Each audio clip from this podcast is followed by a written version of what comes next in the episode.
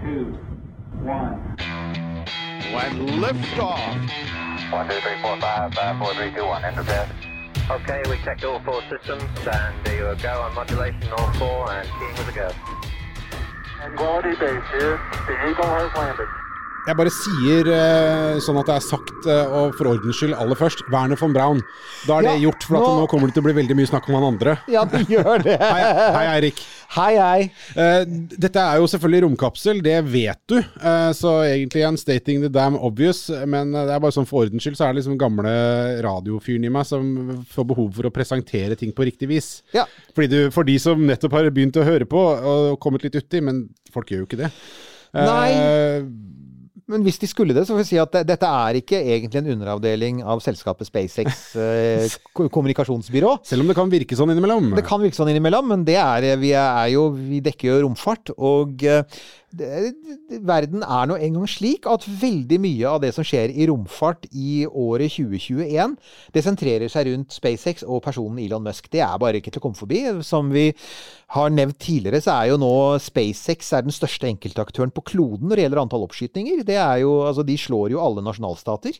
Og som jeg også har sagt før, det er altså noe deilig sånn James Bondsk over hele det greiene der. At det er en sånn litt sånn smågal Ja. fyr som sitter og styrer det ordet som du brukte her eh, for litt siden, rakettimperiet. Det høres litt skummelt ut. Ja, det gjør det. Men det er, jeg liker det. Det er litt det, altså. Han har noen sånne imperieplaner. Han kaller seg jo for, for, for, for spøk så kaller han for seg God Emperor of Mars. Men jeg tenker uh, uh, Jeg tenker kanskje hele noe sånn derre F- Blowfelt er det vel han heter, han der Ja, med Mr. Bond med en hvit katt på fanget. Ja, ja. Han mangler egentlig bare en hvit katt på fanget. Men det er altså Boca Chica, Texas, som vi må nevne. Og, og de av dere som følger oss veldig tett på Facebook, det er ikke alle som Det er faktisk bare en ganske liten andel av de av dere som hører på. Men de av dere som er veldig trofaste med å følge opp uh, meldingene våre på Facebook, de, dere vil se at noe av dette er kanskje kjent for dere, men mange av dere har eh, det, det er en, en oppdatering, egentlig. For sist vi gjorde dette, det var faktisk i episode 31. Og Oi, er vi jo det er lenge siden. det er ganske lenge siden. Eh, Det var, i, det var faktisk på seinsommeren i fjor. Da hadde vi en. Da, og da snakket vi litt om sånn Hva skjer på Boca Chica? Og da snakket vi blant annet mye om disse visjonene som Elon Musk hadde, som var sånn Han skulle bygge et stort skip, og han skulle teste det, og han skulle sende det opp i verdensrommet, og det var ikke måte på. Og så har det gått ett år, knapt, og så har han gjort det. Og så er greia at han har jo innfridd ganske mye. Jeg tror vi skal bare si det med en gang. Altså, Helt vilt, altså. for det første så er det jo sånn at det der romskipet han snakket om at han skulle bygge, det er jo langt på vei bygd en ferdig prototype av. Uh, og uh, førstetrinnet er snart ferdig bygd. Og altså, man snakket i fjor, så på, for et, da vi forrige, da vi snakket om dette forrige gang, da var vi alle veldig opptatt av at det minnet om en kornsilo. Nå, altså, jeg veit at noen av dere sier kornsilo fremdeles, men folkens, det er jo Nå er det Tintin-raketten. nå er det Tintin-raketten med vinger og spiss nese og alt. Så hvis dere, hvis dere ser kornsiloer her, da er dere litt sånn som ser sånn falliske figurer i alt mulig rart. Ja ja, bananer og sigarer. Ja, folkens. Ok, deal Bare når du har sagt kornsilo, så har jeg bare lyst til å si kornsirkel. Jeg vet ikke hvorfor. Jo, men det er, vi kan godt gjøre det. Det er, det er, det er jo et visst overlapp, er det ikke det? Jo da, jo da. Jo Det pleier det å være. Men ja, vi har jo sett fem siden sist, så har vi sett fem Starships-fly. Og vi har sett fire av dem eksplodere. Rapid Unscheduled Disassembly, RUD. Uh, og jeg, det er en ting vi kan si her. altså Alle eksplosjonene var varianter av problemer med rakettmotoren. For altså SpaceX har ikke bare bygd et nytt romskip, de har bygd en ny motor som heter Raptor. Og den er revolusjonerende. Den skal være gjenbrukbar, den skal gå på metan, eh, den skal være supereffektiv. eh, og nesten vedlikeholdsfri. Uh, det har den ikke vært. Men det folkens er veldig vanlig. Det er som du sier, det va vanskeligste med så å si alle raketter er faktisk nettopp det. Brennstofftankene og den spisse nesa og vingene og sånn. Det får man til.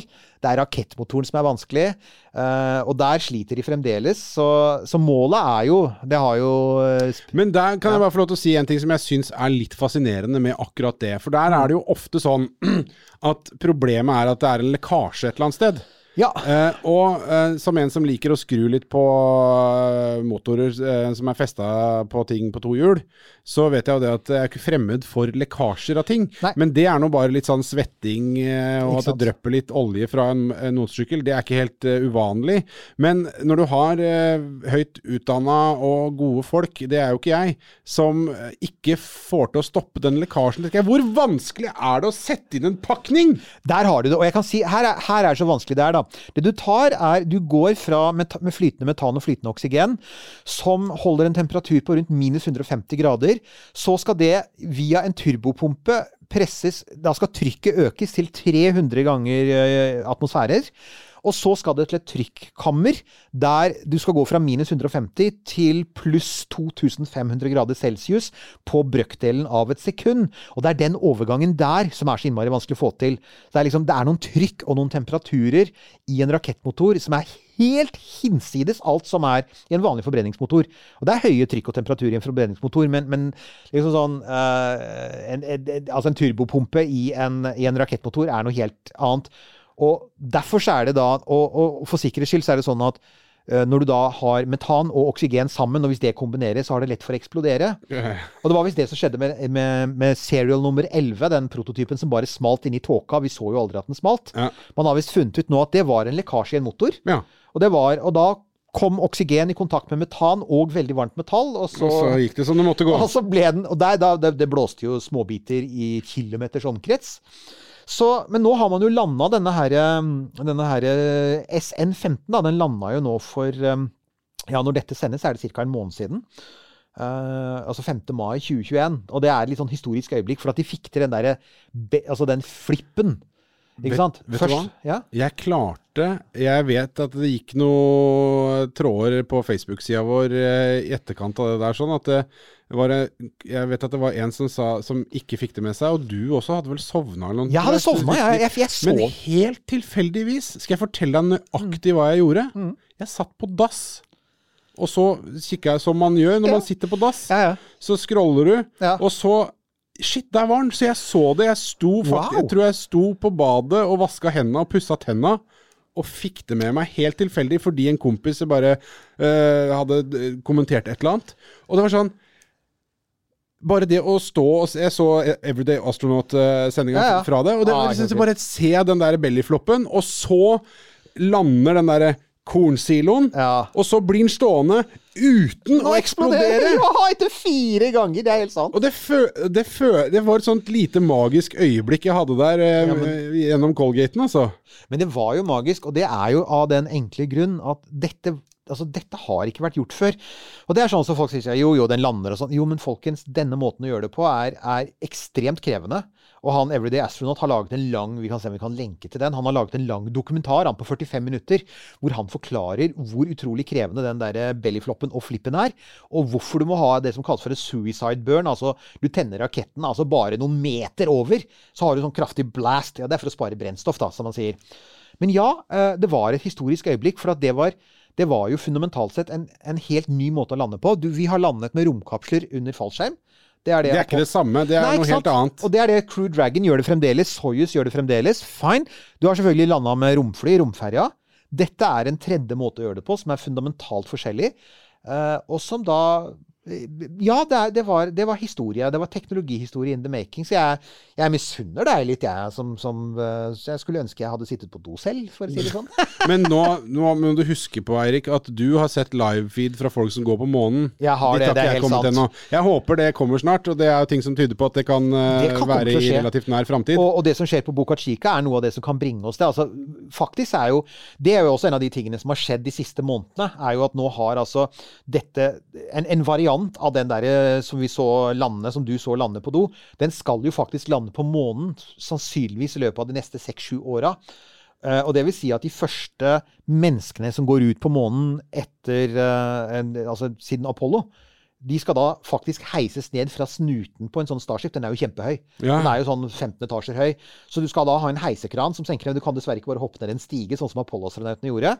Så ja, da, det, det, det, det er One giant leap! Ja, så ja, nemlig. Bom, bom.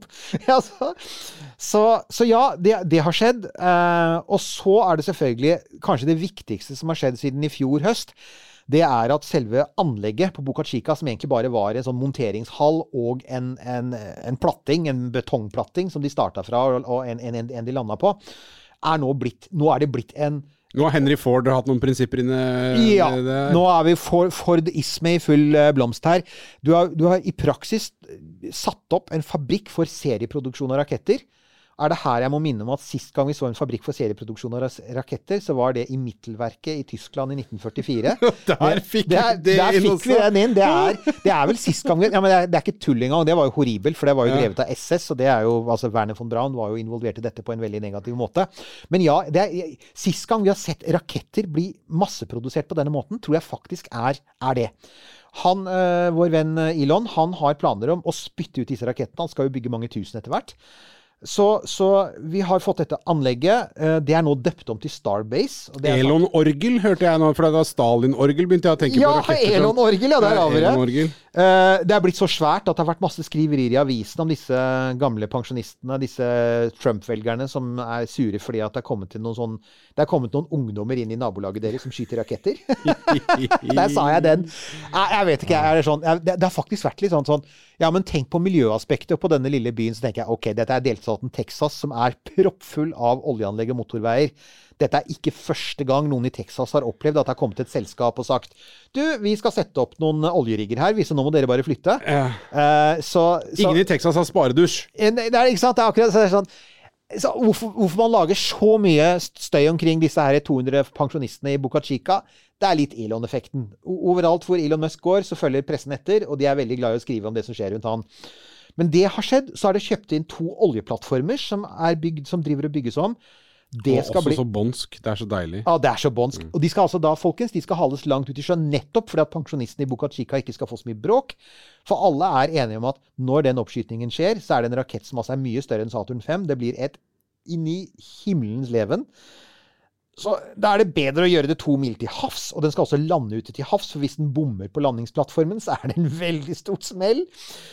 Og det er til og med akkurat nå så er, eh, så er det, kjøpt, det er kjøpt rettigheter til gassbrønner i nærheten av i nærheten av Boca Chica, leste jeg om her om dagen.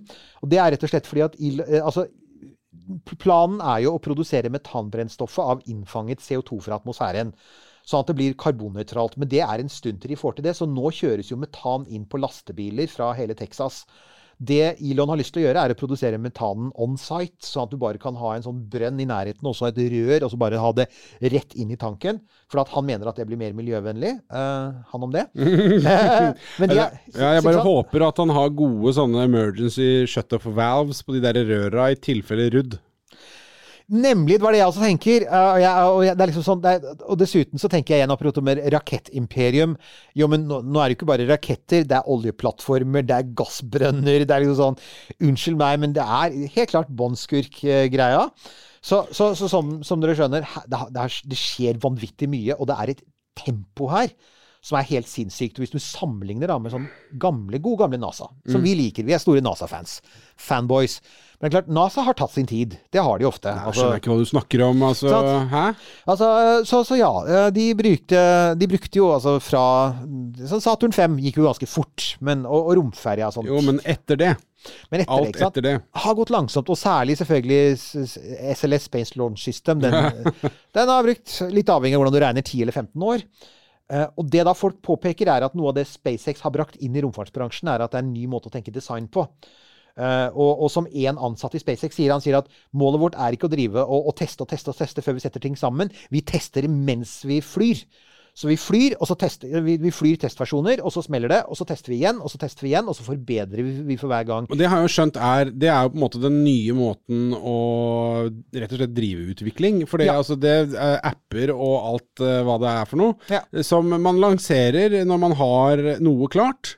Og så vil det tilkomme nye funksjonalitet og forbedringer underveis. fordi at det er jo den beste måten å få testa ting på, er jo å sette det i drift. Det er det, og det har vært Og så kan du si at det er lettere å gjøre det med en app. Det er nemlig eh, det. en rakett som er full av brennstoff, eh, riktignok. Men, Da- men, da- men allikevel. Det er helt sant. Og det er jo og dette, det er mange som det kalles, det kalles for av og til for iterativ design. Altså iterasjon som er sånn stegvis forbedring. Du tester noe, det krasjer, du tester det igjen, som du sier med apper. Det er mye brukt i IT-bransjen, og da får vi huske på at Elon Musk var, har stiftet masse IT-selskaper i sin tid. Han kommer fra IT-bransjen, bl.a. PayPal. Så, så han er veldig vant til den måten å jobbe på. Så det de sier er at han har tatt med seg denne veldig raske utviklingsmetoden og en veldig høy toleranse for at ting skal gå galt. Eh, Det er liksom som bakt inn i designfilosofien hans, er at jo, men ting kommer til å krasje. Det som slår meg Jeg har en T-skjorte, NASA-T-skjorte, Ja. hvor det står 'Failure is not an option'. Ja. Men uh, good, uh, failure is uh, given, eh, Ja. er liksom det nye. han, det, han har, det Musk har sagt, er vel at If you're not failing, you're not innovating fast enough, sier han. Og det er, det er, det er liksom Det er designfilosofien deres. Og hvis du setter den opp mot klassisk Old Space, da. De gamle, etablerte romselskapene, sånn type Boeing eh, og McDonald Douglas, disse selskapene som, og, og, og Northrop Grumman og sånn, disse selskapene som har bygd for den amerikanske regjeringen siden krigen, ikke sant? De er jo der med at de, de ofte bruker det som da kalles for, av og til kalles for lineær, og så av og til kalles for waterfall, waterfall eller fossefallmetoden, som er at alt går i rekkefølge. Så du starter liksom med sånn du bygger motoren, og så bygger du første trinnet, og så bygger du andre trinn, og så tester du alt veldig på hvert trinn. Og du, du, du begynner ikke å skyte opp trinn før alt er klart, på en måte. Og alt sånn at når SLS skal skytes opp, så er alt testet på forhånd. Og så skyter du opp én rakett, og den skal faktisk fly på første forsøk. ikke sant? Eh, og de skal til og med sende opp en Orion-kapsel til månen med den første SLS-en, som muligens går opp i begynnelsen av neste år, sier man nå. Og da har man altså ventet i elleve år. Og hvor lang tid tok det fra du tok den aller første testflighten til du begynte å skyte opp den første Starshipen? Hva var det? Seks måneder eller sånt? nå? Altså, det, Men det er helt spinnvilt. så, så, det, så det de sier, da, er at fordelen med den der lineære måten er selvfølgelig Du ser langt færre rudder, og det er helt sant. Allerede nå så har jo Elon Musk altså, SpaceX har hatt langt flere eksplosjoner enn du har sett i amerikansk rombransje på veldig mange år. Og det er litt sånn dårlig publisitetsmessig, for at folk sier sånn Å ja, men se her, de mislykkes. Eh, Jeff Bezos er en av de som har vært ute og sagt Se hvor farlig SpaceX er.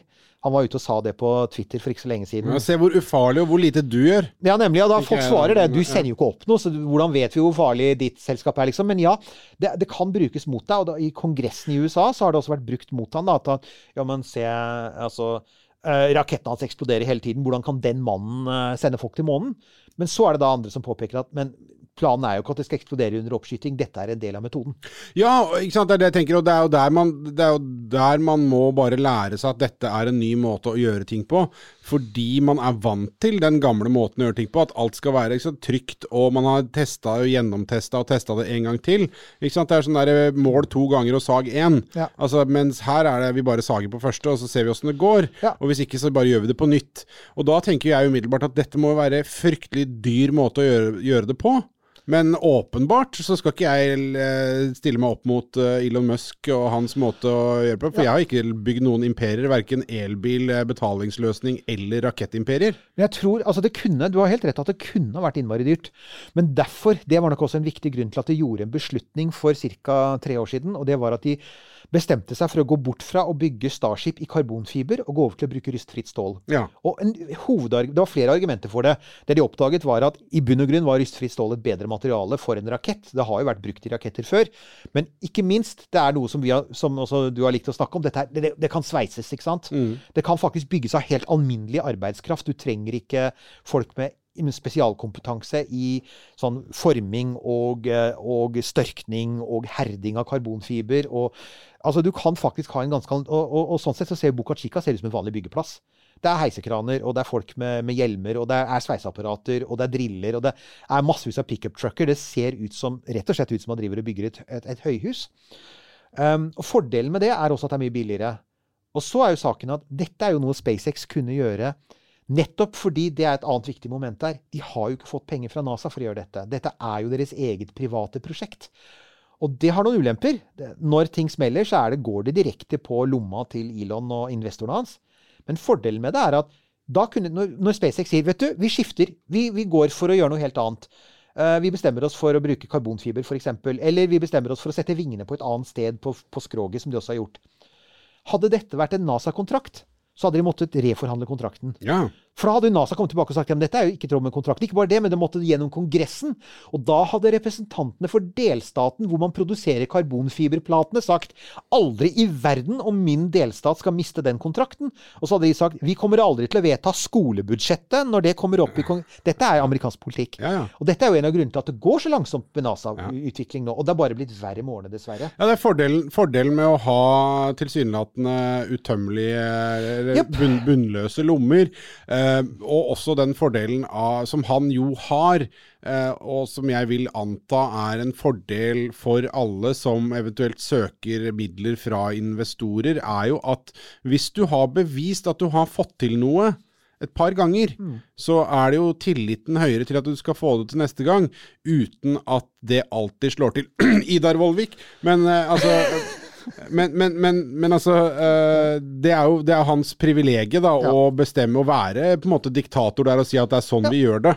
Det er akkurat det. Og, og, og, og så blir det selvfølgelig veldig raske beslutninger av det. Og, det er klart, hvis du da hadde hatt med en, hvis, hvis ikke du hadde hatt å gjøre med en, fyr som helt klart har et ingeniørtalent, det sier folk. altså Det er ingen tvil om at Elon Musk er en, en, på mange måter en naturlig ingeniør. Det ser man jo også med, med mye av løsningene han har valgt for andre ting. Solceller og elbiler og batterier og slike ting. Han skjønner veldig mange av prinsippene som ligger bak god design. Eh, Det er innmari bra å ha på toppen av en bedrift. For når de beslutningene skal tas, og de skal tas raskt, så bør de jo helst være riktige beslutninger. Fordi igjen, du har ikke som Sånn som f.eks. Boeing har hatt med SLS-kontrakten. De har hatt en kontraktstype som heter Cost Plus. Som betyr at ikke bare har du fått penger for å bygge raketten, men hvis du går over tiden, da. Så, så sørger NASA for å betale deg for det òg. Med andre ord, det har ligget et insentiv i å somle. Ja? Og, og Ja. der mange sier at Cost Plus-kontraktene er noe av det verste med amerikansk eh, rompolitikk. Og Det er veldig behagelig selvfølgelig for alle Perfekt, som involverte og som sitter og flikker på et eller annet. Og de er jo modellert veldig på en del militære prosjekter, selvfølgelig. At når du først bygger noe for det militære, og militæret sier at vi vil ha den panservognen eller F-35, så, så kan i praksis så, kan, så ender jo faktisk produsenten opp med å skrive, skrive regning med gaffel og si Ja. ah, jeg trenger litt mer, det har tatt litt mer tid, det har dukket opp et problem med radaren, og vi må bruke et halvår til. ikke sant? Og da er du allerede bundet opp, og du får pengene. Så, så ja, eh, det har jo bidratt også til den raske tempoet, da. Og nå er vi der igjen, da. For hvis vi skal se hvor vi er akkurat nå, for dette var jo forhistorie. Jo, nå er vi der at uh, Elon Musk har jo sagt at, uh, tidligere sagt at i løpet av 2021 så skal raketten opp. Han trodde først at det skulle være tidlig i 2021. Det skjedde ikke, for det ble noen rudder. Nå er vi der at han sier at nei, i løpet av sommeren, altså i løpet av noen måneder fra dette første gang sendes, så skal eh, ikke bare Starship sendes opp 10 km og så bellyflop på lande. Nei, den skal faktisk opp i rommet med varmeskjold. Du skal teste varmeskjoldet kombinerer med atmosfæren, og da må du også teste førstetrinnet, for det har vi jo foreløpig ikke nevnt. Det, skal, det, det er et supermass... Så da er vi på hele konstruksjonen. Hele konstruksjonen, og, og førstetrinnet heter Super Heavy. Hele skipet heter Starship, og toppen heter Starship. Det er litt forvirrende. Og så har du disse prototypnavnene. Um, vi har SN15, serial nummer 15, har blitt skutt opp og landet. Og visstnok skal den nå plasseres på en sånn museumsplatting. Den skal de visst ta vare på. Okay. For det kom masse protester fra folk som sier du kan ikke kutte opp den, da. For planen var å kutte opp den og, bry, og bruke stål. Så usentimental. Ja, ja, ja. Nei, nei, så den skal vi få, nå, skal, nå skal den få en sånn hedersplass, for den klarte seg. Ja. Uh, og så ser det ut som de nå går rett for SN20, som er Og da hopper de altså over Ja, da hopper de over noen serienumre til SN20, som er under bygging nå. Uh, i, I slutten av mai. uh, og den skal da stå ferdig i løpet av juni. I løpet av juni skal også den første prototypen på førstetrinnet, Super Heavy, den kalles for BN3. Den skal også stå ferdig. Når du setter de to oppå hverandre, så er de 120 meter høye. Saturn 5 var 110 meter høy. Ja. Så 120 meter, hva er det? da? Det er et er det, meg høyt, ass. det er høyt. Hvor mange, hvor mange etasjer blir det? da? Det blir 40 etasjer. Det er sånt noe, et 40 etasjers bygg eller sånt noe. Eh, og den kommer til å veie 5000 tonn når den har uh, er fulltanka. Og det er altså det er nesten dobbelt så mye som Saturn 5. 1202. Det er, det, er, det er en massiv rakett vi snakker om her. Det er den største Det er viktig å få fram her, altså. Det er den største, tyngste, kraftigste raketten som noensinne er bygd på planeten Jorden. Veldig enkelt. Eh, og for at man liksom sagt ja, nå skal vi bygge en, en, uh, vi bygge en rakett i Saturn 5-klassen. Nei, dette er mye større. Uh, så så det, det er jo da Det som skal skje nå framover, er jo da Kan jeg bare nå, Sorry, jeg bare jeg speisa ut litt her, fordi jeg måtte google noe. Ja, Oslo Plaza. Vet du hvor høyt den er? nei. 117 meter. Der ser du. Så det er så høyt som Oslo Plaza, og det er vel et av Norges høyeste bygg. Er det Norges høyeste bygg? Ja, er det er et eller annet sånt Vi, vi, vi kan faktisk se Oslo Plaza omtrent ut fra vinduet her, og ja, det er høyt. Og det er altså en rakett på den høyden Uh, som veier 5000 tonn. Du skal ta disse 5000 tonnene, og så skal du sende dem opp i verdensrommet. Ja, det er så deilig. Uh, og du får jo da uh, Det er 28 Raptor-motorer som skal tenne samtidig. Og de skal gi dobbelt så stor skyvkraft som, eh, som de fem kjemperakettene på Saturn 5. Så det blir et brøl uten like. Det er ikke rart de etter hvert skal flytte alt dette ut i sjøen, for det blir et gigantbrøl. Hvis dette eksploderer på oppskytingsplattformen, så tror jeg de kommer til å bruke måneder på å bare plukke opp bitene av anlegget. Da tenker jeg at de bruker måneder på å identifisere alle de pensjonistene som også ryker, Ja, ja, ja, med er- i den eksplosjonen der. Dette her blir jo det blir faktisk som en liten Dette blir som et taktisk atomvåpen i sprengkraft, liksom. Så vi får håpe at det går bra. Uh, men så er det jo uh, Så er det jo uh, så, så er det jo da at den skal jo Oppå den så skal da Starship stå. Og den skal jo også være full av brennstoff, og så skal den opp i rommet. Og så er jo den, den planen de har, de har sendt inn en søknad til amerikanske myndigheter. Så det er, det, er ikke, det er ikke bare løst prat lenger. De har sendt en søknad om at de ber om tillatelse til å gjennomføre den testflygningen ikke eh, ikke tidligere enn slutten av juni. Så Det er derfor vi sier 'not, not earlier than'. Ja. Det er derfor vi sier at det skjer i løpet av juli, august, september antagelig. Uh, og da skal selve førstetrinnet er jo egentlig ment å lande tilbake på land eller på en oljeplattform i sjøen. Kommer ikke til å lande på lektere mer, for at den er altfor svær og tung. ja, ja. Så den må faktisk lande på en, det må lande på en bygningskonstruksjon, enten det står til sjøs eller på land. Men denne gangen skal de bare myklande den i sjøen, for at de tør ikke å lande den. Det er en prototyp. Og selve Starship-delen skal da opp i bane rundt jorda. Skal ikke gå en hel runde rundt jorda, men istedenfor skal den da komme inn i, bremse inn i atmosfæren igjen. Og da skal den myklande. Den skal da gjøre en bellyflop, og så skal den gjøre flippen, og så skal den lande utenfor eh, Nord for Hawaii, faktisk. I sjøen. Mm. Så de håper på er at den myklander, at den ikke brenner opp i, når den kommer inn i atmosfæren, selvfølgelig, for det er en ting. Ja. uh, og at den myklander sånn at de faktisk for eksempel, For det er jo hul, så de regner med at den kommer til å flyte. At de faktisk rekker å komme bort fram til den Og og få plukka den opp. Så Sånn så det blir splash. for det blir et splash, sånn at ikke den knuser, sånn at den ikke den synker, men at de faktisk kan plukke den med seg. Mm. Men dette er fryktelig på forsøksstadiet, og de fleste regner nok med at en av de to rakettene kommer til å smelle. Mm. Enten så er det hele greia som eksploderer under oppskyting, for at det er 28 raketter, og hvis en av dem får en lekkasje, så er det blam. Og det blir, det blir jo flott å se på, da. Og så, så det blir jo alle tiders fyrverkeri. Det største noensinne i historien, sier igjen, folkens. Og, så, og hvis ikke, så kommer vi til å se et fantastisk fyrverkeri når den der dingsen kommer inn i atmosfæren over eh, nord for Hawaii, og du ser massevis av deler som faller ned og plumper ned i sjøen, da. Men du, Ja. eh, antag, altså høyst sannsynlig så kommer noe der til å gå gærent. Eller dette skal ryddes. Uh, men det er jo for Altså Ja. i den store politikken til Elon Musk så er det helt fair. Det er greit. Sånn Ja. er det bare. Sett at det går på første forsøk. Nemlig. Hva betyr det? Det er, jeg, det er akkurat det. Hva betyr det? Jeg tror um, For det første så betyr det enormt mye for prestisjen til SpaceX. For det vi nå har skjønt etter hvert, er at hvorfor, hvorfor var han så opptatt av å sende opp den ene raketten etter den andre som eksploderte i vår?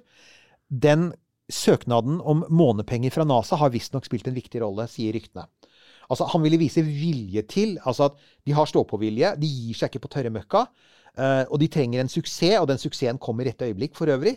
Den kommer jo på et helt perfekt tidspunkt. Um, så i første omgang så vil det være et, en utrolig styrke for prestisjen til hele prosjektet.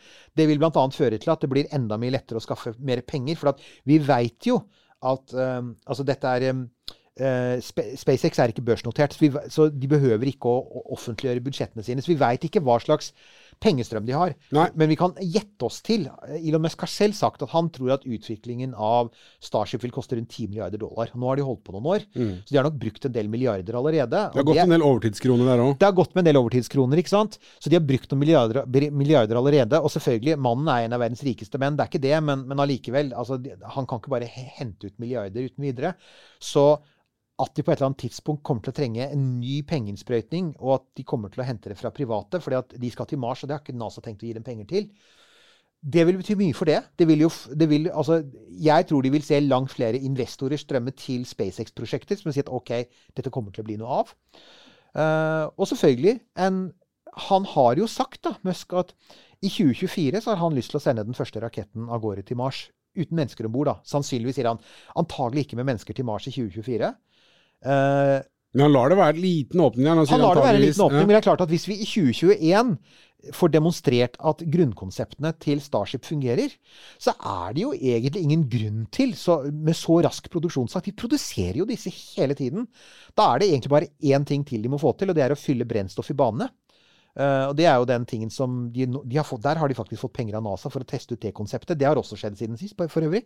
De har fått penger for å teste ut uh, et konsept for å, for å overføre brennstoff i bane til romskip som skal til månen og Mars. Og, og fikser de det i løpet av 2022-2023, så tror jeg Elon Musk er uh, gal nok jeg, til å sende av gårde en Starship. Hvorfor ikke? Hvorfor ikke Ja, gjøre nei, det? altså, det, igjen, Altså Så lenge den er sterilisert og ikke altså For det er jo en ting. Det må man passe på, for at det finnes noen regler om at du skal ikke sende ting med jordbakterier til Mars. Men en Starship som er uh, sterilisert og sendt av gårde til Mars, jeg tror, jeg tror han kan gjøre det. Ja. Da, da får vi folkens se et 100 tonns romskip forsøke å lande på Mars i 2024. Og lykkes det Her er det mye som skal skje, da. Men hvis det lykkes, de får demonstrert at de lykkes med det Han har sagt 2026. Det er jo hvert annet år for Mars og jorda må liksom stå riktig i forhold til hverandre. Så det er 2024, 26, 28 som gjelder. Da sier han at i 26 så vil han sende mennesker til Mars. Eh, hvis det stemmer, da, så vil, det bli, så vil SpaceX sende mennesker til Mars før NASA sender mennesker tilbake til månen. Og det hadde jo vært fascinerende. Så, så, så ja, det er mye som står Ja, på spill her. på plattform 1 og på plattform 2 så står måneraketten hans, og så Ja, ja, ja, ja, opp eh, NASA-finansierte måneferd. Ja, NASA Ja, men ja, det er, det er ikke så gøy. Det vi holder på med her borte, skjønner du, er litt av, mer artig. For da blir det Da keiseren, gudekeiseren av Mars, eh, nå er troppene hans på vei. Ja, er den siste tingen, den, den tingen som alle er veldig spente på nå, og det er en litt sånn teknisk greie, men det er litt interessant, da. Eh, det er varmeskjoldet. For at vi har, nå har man jo Vi har testet motorene. Man, så hva- motorene fungerer sånn noen og Før eller senere fikser de det. Det er ingen i tvil om. For de gjør de motorene stadig, stadig bedre, og på et eller annet tidspunkt så får de det nok til å funke som de vil. Så motorene test, eh, de, de har de langt på vei kommet på plass med. De veit at bellyfloppen funker, de veit at landinga funker. Det første trinnet har de kontroll på. For det, det er en stor variant av det de gjør med Falcon 9 hele tiden. Så de regner egentlig med at den landingen er mye enklere, for da lander du vertikalt. Det er ikke noe bellyflop, det er ikke noe flip. Det er nøyaktig det samme som Falcon 9-raketten, og dette gjør de jo hele tiden. Så det tror de at de har god kontroll på. Den tingen de ikke har kontroll på, er varmeskjoldet. Og varmeskjoldet har vært en litt sånn kinkig greie, fordi Elon Musk har har i utgangspunktet så har han tenkt at fordi du bygde av stål, så, så vil det være veldig enkelt å sikre deg eh, For stål tåler veldig mye høyere temperaturer enn aluminium, som romferja var bygd av. Så, så romferja trengte jo veldig tjukke varmefliser for å beskytte aluminiumsdelene. Det var jo det som skjedde med Columbia i Ikke sant? 2003. Ja. Sant? Det er, som dere kanskje husker, folkens, varmeskjoldet gikk i stykker under oppskytning. Det kom varm gass eh, når de bremsa opp. Varm luft inn i vingen. Og vingen traff aluminiumsstrukturer. Vingen falt av, og Columbia gikk i oppløsning. Eh, Det vi veit, er at noe av det som overlevde ned til bakken, var ståldelene. Stål er mye mer hardført. Så det, Først så trodde jo Musk at ja, nei, men kanskje du egentlig bare trengte et kjøle, et sånn, en kjølemekanisme for stålskroget. Så ville det gå fint. Så har han skjønt at det, han trenger et varmeskjold. Nå har de gått for keramiske fliser. Men det er ikke sånne keramiske fliser som du har på romferja, visstnok. Dette er jo fordi at det er et privat selskap, det er hemmelig. Men det folk gjetter på, er at disse keramiske flisene faktisk ligger nærmere de flisene du har på badet. Altså de er tynnere og hardere. Ja. For romferjeflisene var veldig tjukke og ganske, de var porøse. ja, det var noe sånn skummateriale av noe sant? De var jo ja. som isopor og fikk Ja. veldig lett skader. Dette er mye mer robust. Uh, og en ting til, da, er at altså, romferja jo, hadde jo en ganske komplisert form. Den hadde 20 000 fliser, eller tror jeg mener du husker, 20 000 fliser. Alle de flisene hadde en individuell form. Ja. Og alle flisene måtte festes for hånd. Og det tok gjerne uker å, å, å- bytte fliser under, under magen på romferja. Det var en av grunnene til at romferja var så treig. Den, den ble jo ikke noen ferje. Den sto jo på bakken i, i ukevis mens man drev og fjerna fliser og limte på nye og alt dette her, og, og, og bygde spesialkonstruerte. Disse flisene Altså, Starship er en sylinder. Den har en veldig enkel form. da. Du har vingene, og så har du en sylinderform. Så det sier at nesten alle flisene på Starship er sekskanta. Det er som en sånn, ja, ikke sant? like. Det er honning. Det er sånn, eh, sånn honeycomb, da. ikke sant? Det er sånn der eh, bi- bikubemønster. Ikke sant? Eh, og, og ikke bare det, men det skal settes på en rund flate, sånn at de har samme form. Det er samme radius, samme bøyning. Igjen, det er litt som, en, det er litt som fliser på badet. Med at du starter med at du har firkanta fliser, og så skjærer du dem til. Og det er litt det de antagelig kommer til å gjøre. Ha en sånn standardflis. Bortsett fra flisene som skal være på vingene, de må være flate. Men ellers så har du mye standardfliser, og de skal være så standardiserte, de skal kunne festes med robot. Så det man sier nå er at de, de, SpaceX regner nok med at etter at du har vært på vei ned gjennom atmosfæren, så kan det tenkes at noen fliser faktisk faller av. Men det de også tror, da, er at fordi det er stålskrog, hvis det skulle være sånn at en flis detter av, Så så vil, ja. så vil det antagelig gå bra, fordi at det er stålskrog og ikke aluminium. Så, og, og det er derfor de også sier at um, altså, ingen fliser har sånn perfekt tetning. Uh, det vil alltid være sånn og, og, På baderomsfliser Sånn som fugerur, liksom. så det fugemasse. Ja. Eh, Og, og, romferja hadde fugemasse på sine fliser. For Ja. at du kunne ikke slippe noe varm luft ned til aluminiumen under, for da smelta den. Ja. Det som du, det folk som driver og tar bilder av disse romskipene på Boca Chica, og det er jo det De sitter jo med lange kameraer. Everyday Astronaut nevnte du jo. De sitter jo med sånne super eh, liksom sånne teleskoper. Og det de ser ut som de ser, da, det er at det ikke er fugemasse på flisene. Med andre ord, de regner med at stålet er bra nok til at det kan lede Ja. vekk den lille varmen som kommer inn mellom flisene. Så det blir veldig spennende å se, da. Det er, dette ble litt teknisk, folkens, men det er fordi at det, de fleste er enige om det er, liksom, det er to sånne pressure points her. Det er to ting som er helt sånn kritiske. Det ene er at Raptor-motoren ikke eksploderer, og det er 28 av dem, så det kan fort skje. For da, da får vi nok en sånn eh, SN11-rudd og en fantastisk ildkule over uh, Mexicogolfen, hvor den skal fly over. Og det andre er varmeskjoldet. Altså vil flisene tåle varmen? Og det er klart de har simulert dette, for det er en annen ting som SpaceX gjør masse av. De gjør massevis av datasimuleringer. Eh, Bellyfloppen og flippen, det var datasimulert lenge før vi gjorde det. Jo, jo. Det er klart. Så de er sikkert simulert og de har nok regnestykkene i orden. Og, eh, det fins sånn derre Ja, vel altså, La oss bare si det at de veit hva de driver med. Ja, ingen tvil.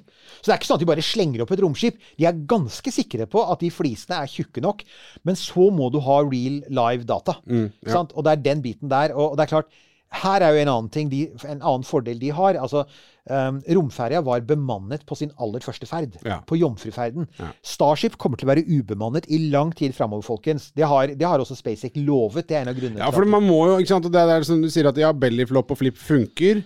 Eh, ja. for det har funka, men, men så må man jo gjenta det. Man må gjenta det for å være sikker på at det funker, at det ikke bare var en fluk når det funka. Ja, ikke sant. Det er akkurat det. Så, så det, det Musk har sagt, er at ehm, Starship kommer til å gjennomføre hundrevis av vellykkede landinger før man i det hele tatt vurderer å sende opp astronauter med det. og Derfor har de beholder de jo Crew Dragon-kapselen. De har jo fremdeles en romkapsel som, som som skal skytes opp på Falcon 9. Så de har ikke gitt opp det på noen måte. Det kommer til å være der parallelt og fortsette å sende opp folk- folk til romstasjonen og romturister. Mens de venter på at de finner ut hvor bra og hvor trygt Starship blir. Men der har du igjen fordelen. altså Romferja var jo så pilotstyrt at den kunne jo ikke automatlande den. Nei. Så du måtte ha piloter om bord, og det betydde også at du måtte ha ekstra sikkerhetsmargin. Så ja, flisene var ekstra dobbelttjukke.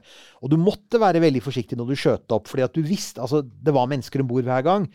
Starship er billig å produsere. Starship gjør ingenting om går i oppløsning. Det verste som skjer, er at du får litt mer stål på havets bunn. ikke sant? Det er noe vi fint tåler. Så derfor så, så er dette Det er mye mindre som står på spill. De kan pushe det mer.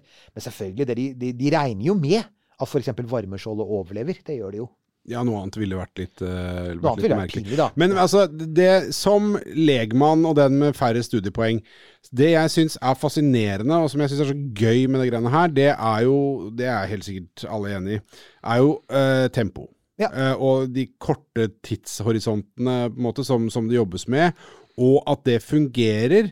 Og ikke minst det som gjør at jeg begynner å få litt sånn blod i pumpa, er, eh, er eh, perspektivet på Mars, og, og at det ikke er Det er ikke helt urealistisk. På ingen måte. Og Ja. det og- så et eller annet med den tankegangen som, som, eh, som SpaceX har også. At du har, okay, du har Falcon, eh, Falcon 9, og så har du liksom eh,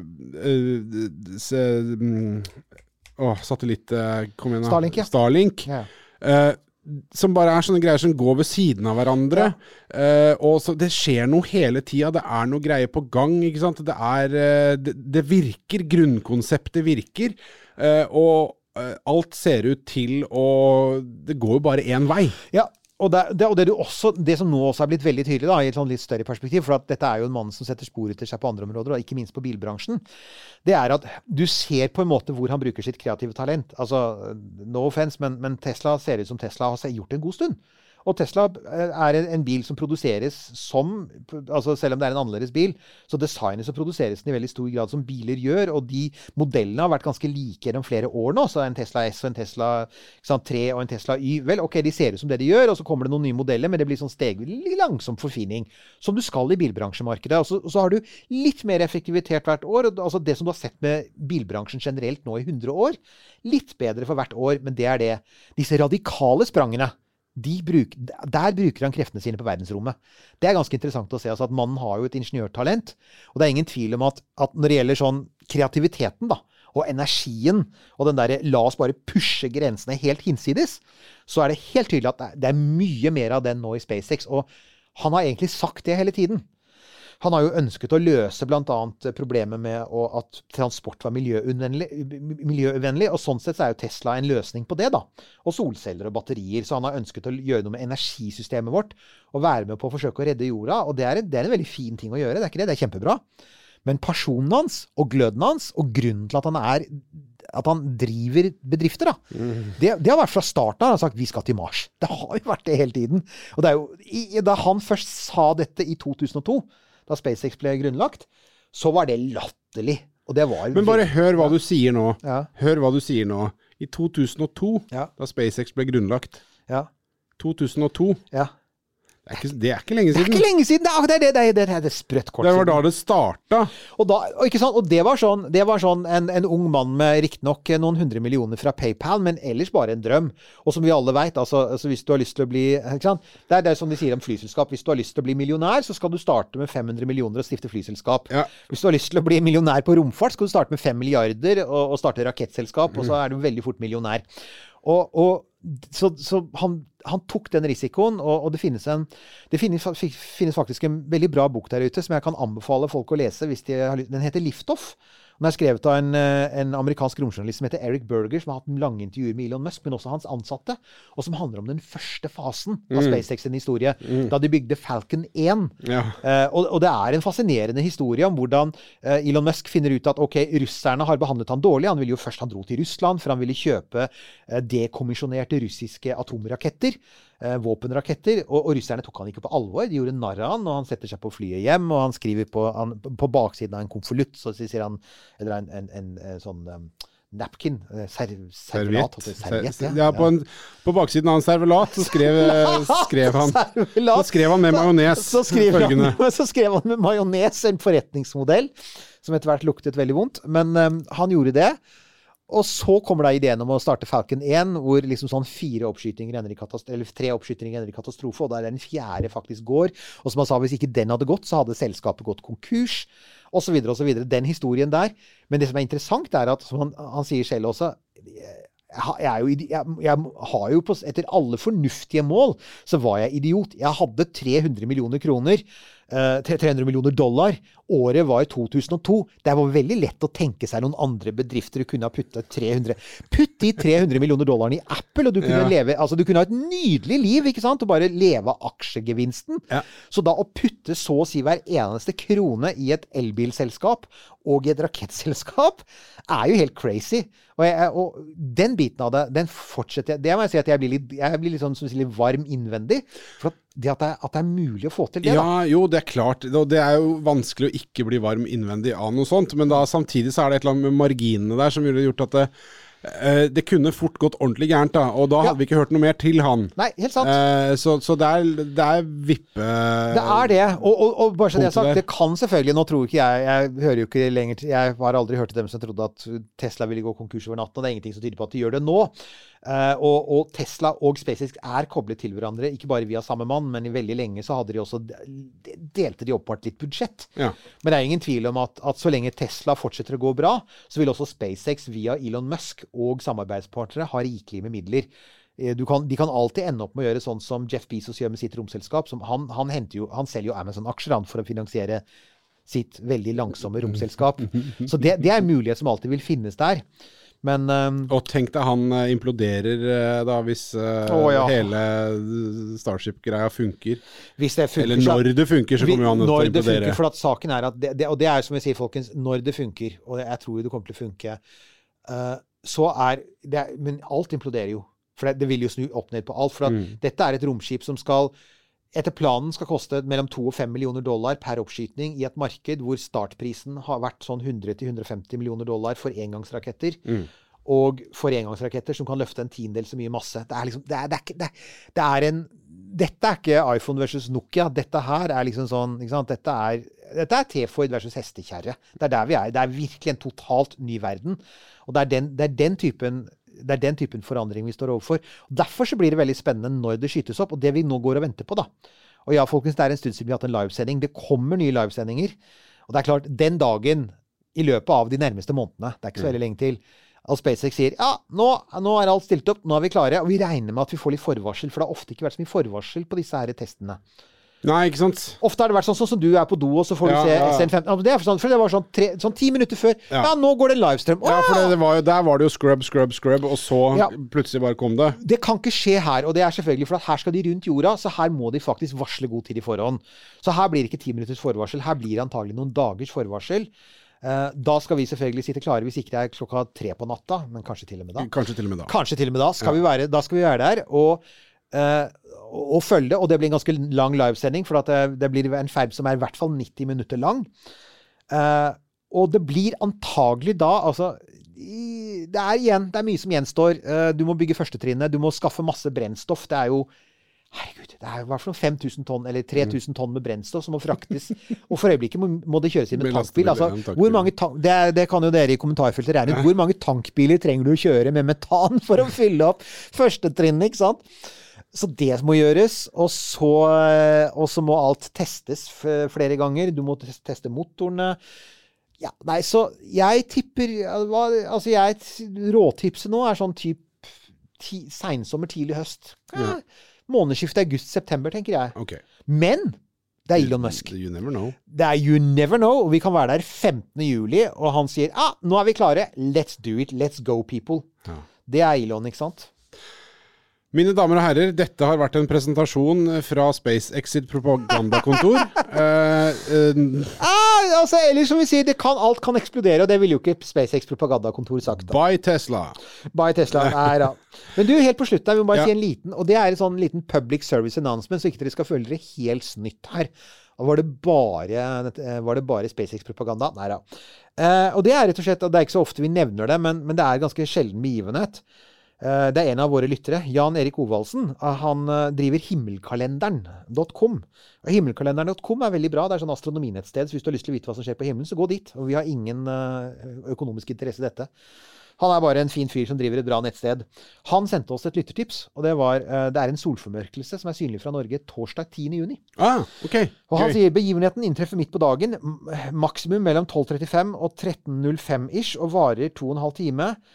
Formørkelsesgraden er opptil 54% på fastlandet og 75% på Svalbard. Som andre ord, her er det jo, altså, jo lenger nord du bor, desto bedre er det. Så f.eks. fra Nord-Norge, da, sånn type Troms og Finnmark Det heter jo ikke det lenger, men Heter det ikke Troms og Finnmark? Nei, altså, det, det er jo ikke offisielt fylker, men vi kaller det Troms og Finnmark. Ja, aldri- Der oppe. Den med delen av landet. Den delen av landet. Troms og Finnmark, der vil man faktisk merke, antagelig merke at sola blir mørkere. Her eh, nede i Oslo, på Østlandet, så er det bare sånn fjerdedel, tredjedel. Så her blir det Men sola vil bli litt eh, Vil bli litt mørkere, kanskje. Og så er det sånn selvfølgelig at du bør ikke se rett på sola, så hvis du går til himmelkalenderen.com, så vil du finne gode tips til hvordan du da eventuelt ser på den solformørkelsen. Så jeg vil bare si det. Så det var det. Eh, og ellers så er vi jo snart tilbake med, det må vi si, vi er på Facebook, vi er på Instagram, eh, vi er på romkapsel.no, og ja, vi jobber med merch-butikken vår. Ja. Og ja, vi jobber med vips konto Det er litt sånn forandringer der, så det kommer veldig snart. Så kommer det mye informasjon der. Uh, Følg med på en eh, Facebook-side nær deg. Følg med på en Facebook-side nær deg, så kommer det informasjon. Snakkes!